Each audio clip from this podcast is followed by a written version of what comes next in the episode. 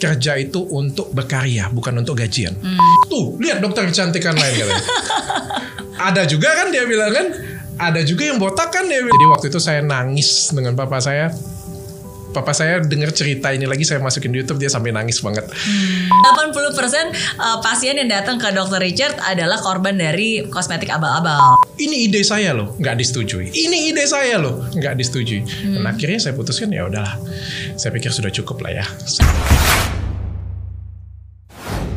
Oke, jadi em, kilas balik nih. Berarti kan pada saat itu eh, memang gigi banget pokoknya mati-matian harus jadi dokter. Oke, sudah diterima di Fakultas Kedokteran UI. Unsri. Oh, Unsri. Oke, oke. Saya mau UI tapi nggak dibolehin papa saya. Saya nangis pada waktu itu. Jadi kan papa saya kan larang saya untuk masuk ke dokteran karena takut nggak bisa selesain kuliah saya. Jadi waktu itu saya nangis dengan papa saya. Papa saya dengar cerita ini lagi saya masukin di YouTube dia sampai nangis banget. Dia nangis, eh, saya nangis. Eh, saya bilang saya minta tolong banget untuk masuk di kedokteran UI tujuan saya pada waktu itu. Tapi pas saya nggak izinin dia masuk suruh saya masuk ke manajemen Hmm. pada waktu itu. Kenapa papa maunya masuk ke Ya mampunya cuma itu. Oke. Dan manajemennya juga di Palembang, di swasta kecil lah kita bilang kayak gitu ya. Iya, iya. Tapi saya pengen banget untuk masuk kedokteran dan dia bilang dia nggak sanggup dan akhirnya dia bilang ya oke lah daripada kau nangis kayak gini dia bilang "Oh, boleh tapi hanya boleh di Unsri. Hmm. Dan daripada nggak sama sekali ya udahlah Unsri lah kita ambil. Iya, oke. Dan akhirnya lulus. Lulus dong. Oke, terus kapan memutuskan untuk em, apa ya menekuni menjadi dokter kecantikan? Wah baru ya, saya lulus eh, kuliah enam tahun dulu kerja di perusahaan. Dan menurut saya itu titik salah satu titik terpenting dalam hidup saya juga. Andai saya langsung pindah ke estetik, mungkin nggak akan jadi seperti ini. Di perusahaan ini saya juga belajar bahwa ada yang lebih penting daripada gajian. Ada yang lebih penting kan digaji ya kita Iya, kerja ya. di Ada yang Sinar lebih- Mas waktu itu ya? Di sinar mas Iya. ya. Ada yang lebih penting daripada gajian, ada yang lebih penting dari kerja. Ada dua hal nih. Apa? Yang pertama, kerja itu untuk berkarya, bukan untuk gajian. Ya, jadi kerja jangan untuk dapat gaji, jangan untuk dapat duit, tapi keluarkan karya aja. Karena duit ini akan ngikutin semua karya kamu, sudah pasti itu. Yang kedua, carilah tempat kerja yang bisa menghargai kamu, bukan untuk bayar kamu. Hmm. Semua orang bisa paid kamu ya. Bisa kamu pindah perusahaan lain nanti dibayar lebih tinggi lagi, pindah lagi dibayar lebih tinggi lagi. Tapi ada yang lebih penting yaitu tempat kamu dihargai, di mana karya kamu itu bisa berkembang di situ. Dan saya dapetin itu di Sinar Mas. Andai kata saya nggak di Sinar Mas pada waktu itu, maka saya mungkin nggak bisa bangun klinik kecantikan saya sebesar ini. Hmm, Waktu itu di Sinar Mas eh, job desknya apa? Cuma jadi dokter, jadi cuma ngobatin pasien. Saya cuma digaji, cuma ngobatin pasien dong, ngeresep doang. Tapi saya nggak mau itu. Dan itu saya sampaikan dengan pimpinan. Dokter umum pada saat itu. Oke. Betul. Jadi dokter umum dan jelas kok job desk saya itu cuma ketemu dengan pasien duduk aja. Kalau ada pasien kerjain, nggak ada pasien nggak usah kerjain. Oke. Tapi saya nggak mau. Saya nggak mau diem, saya ngelihat sistemnya jelek dan saya mau bangun sistemnya. Nah ini penting nih, gitu saya mau bangun sistemnya, ada pimpinan yang memberikan apresiasi. Artinya dibukakan ruang. Oke. Kan nggak semua tempat yang seperti itu. Yang kalau kita kerja di tempat lain kan, oh, enggak enggak, pokoknya ini aja kamu kerjain. Iya. Nah, perusahaan seperti itu kan bukan perusahaan. Orang, Orang. pimpinan yang seperti itu itu nggak banyak dan saya beruntung banget ketemu orang seperti itu sehingga saya bisa eksplor diri saya lebih dalam. Hmm. Waktu saya salah, nggak apa-apa, nggak apa-apa, bangkit kerjain ulang. Saya kerjain sesuatu salah, nggak apa-apa kerjain ulang. Wah ini ini nggak pernah saya dapat loh.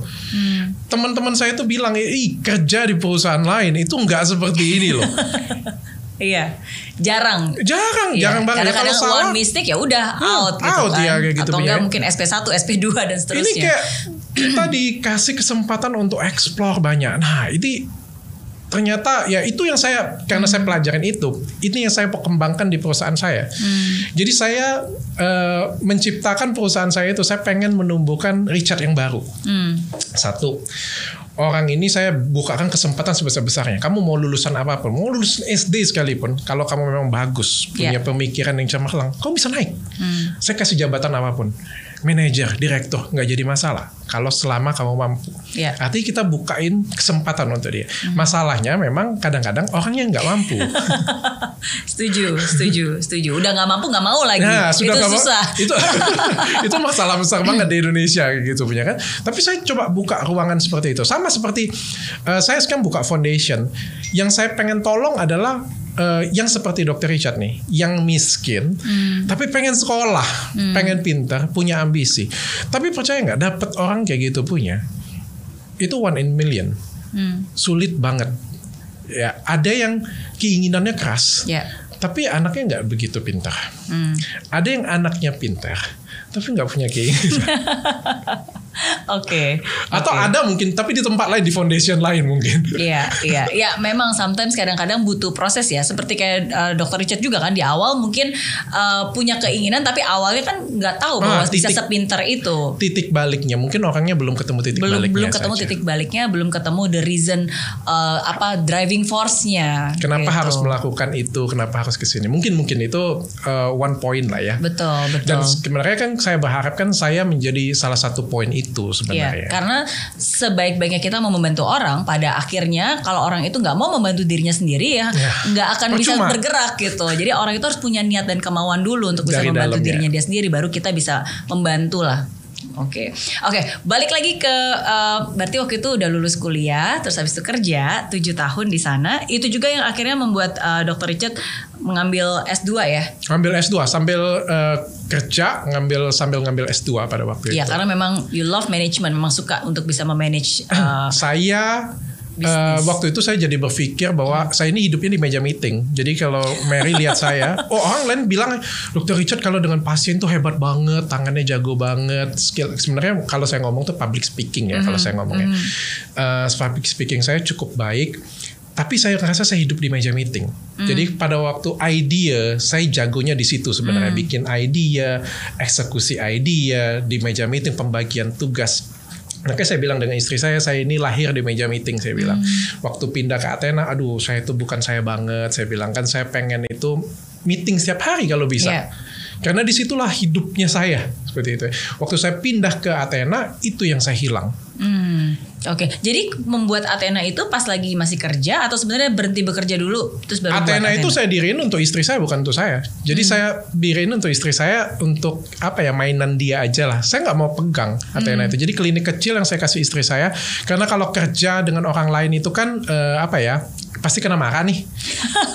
ya dong kalau kerja Oke. dengan orang lain sebaik-baiknya sepintar-pintarnya pasti kena marah kan. Iya. Jadi saya kasih ke istri saya supaya dia nggak kena marah. Terserah. Mhm. dia dia mau dia apain itu kliniknya. Dan saya nggak ganggu klinik itu. Dan saya tetap fokus di sinar mas. Hmm, Dan saya berhenti dari Sinarmas itu karena ya ada masalah juga. Jadi eh, pimpinan yang tadi memberikan apa ya ruangan pada saya untuk berkembang, pimpinan ini keluar atau dipindah. Oke. Nah kalau di Indonesia kalau presidennya diganti, maka menterinya juga ikut diganti.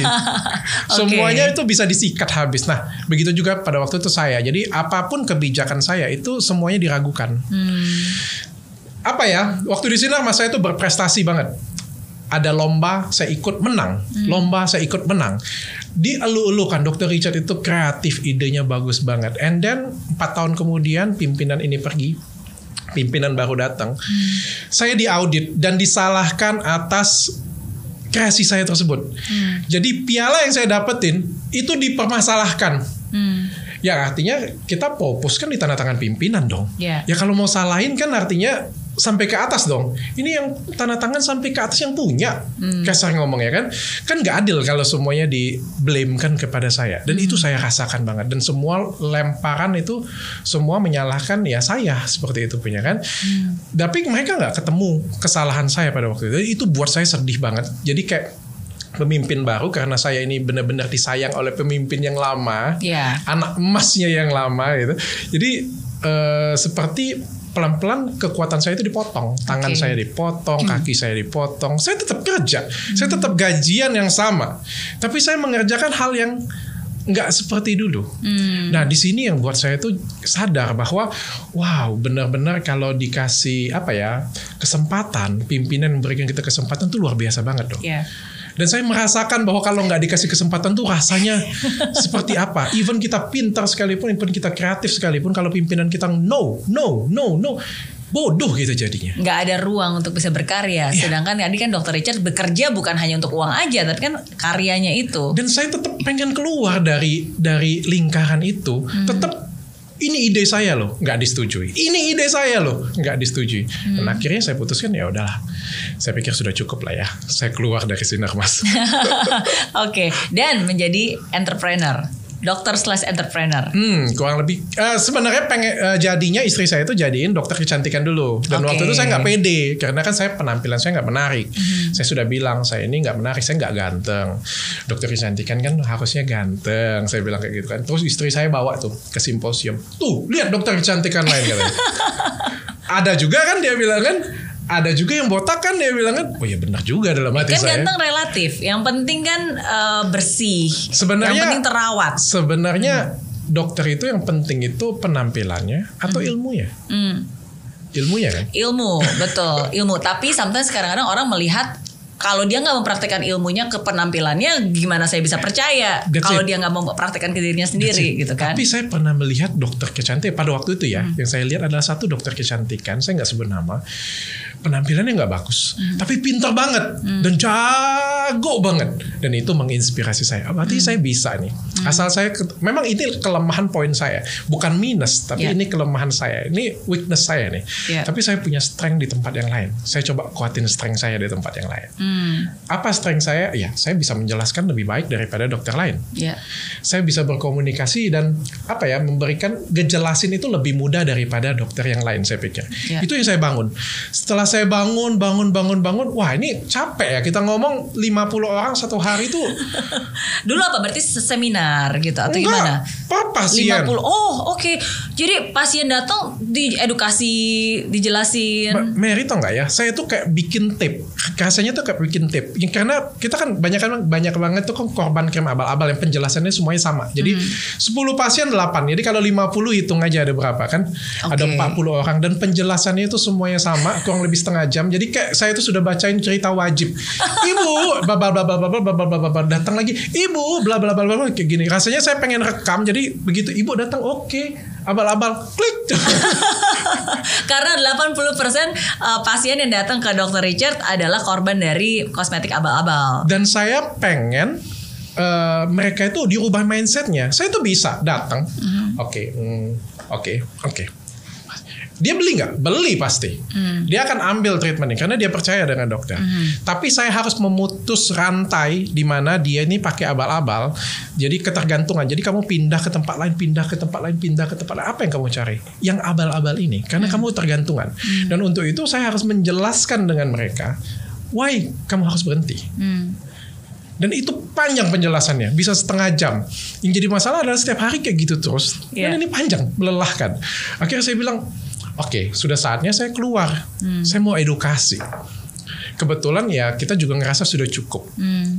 Saya bilang dengan istri saya ini kameramen saya, saya bilang eh, saya mau jajan.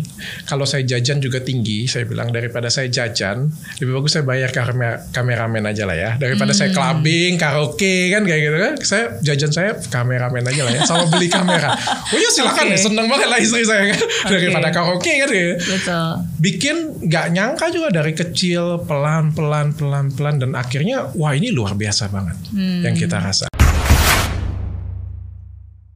Kalau saya salah, ini bukan abal-abal dan saya katakan ini abal-abal itu bisa ngancurin orang lain. Tapi kalau saya benar, ini akan menyelamatkan banyak orang. Eh, diancam sudah sering banget lah ya, tapi saya nggak pernah bacain sih yang kalau diancam punya ya. Tapi saya punya bodyguard sih sekarang.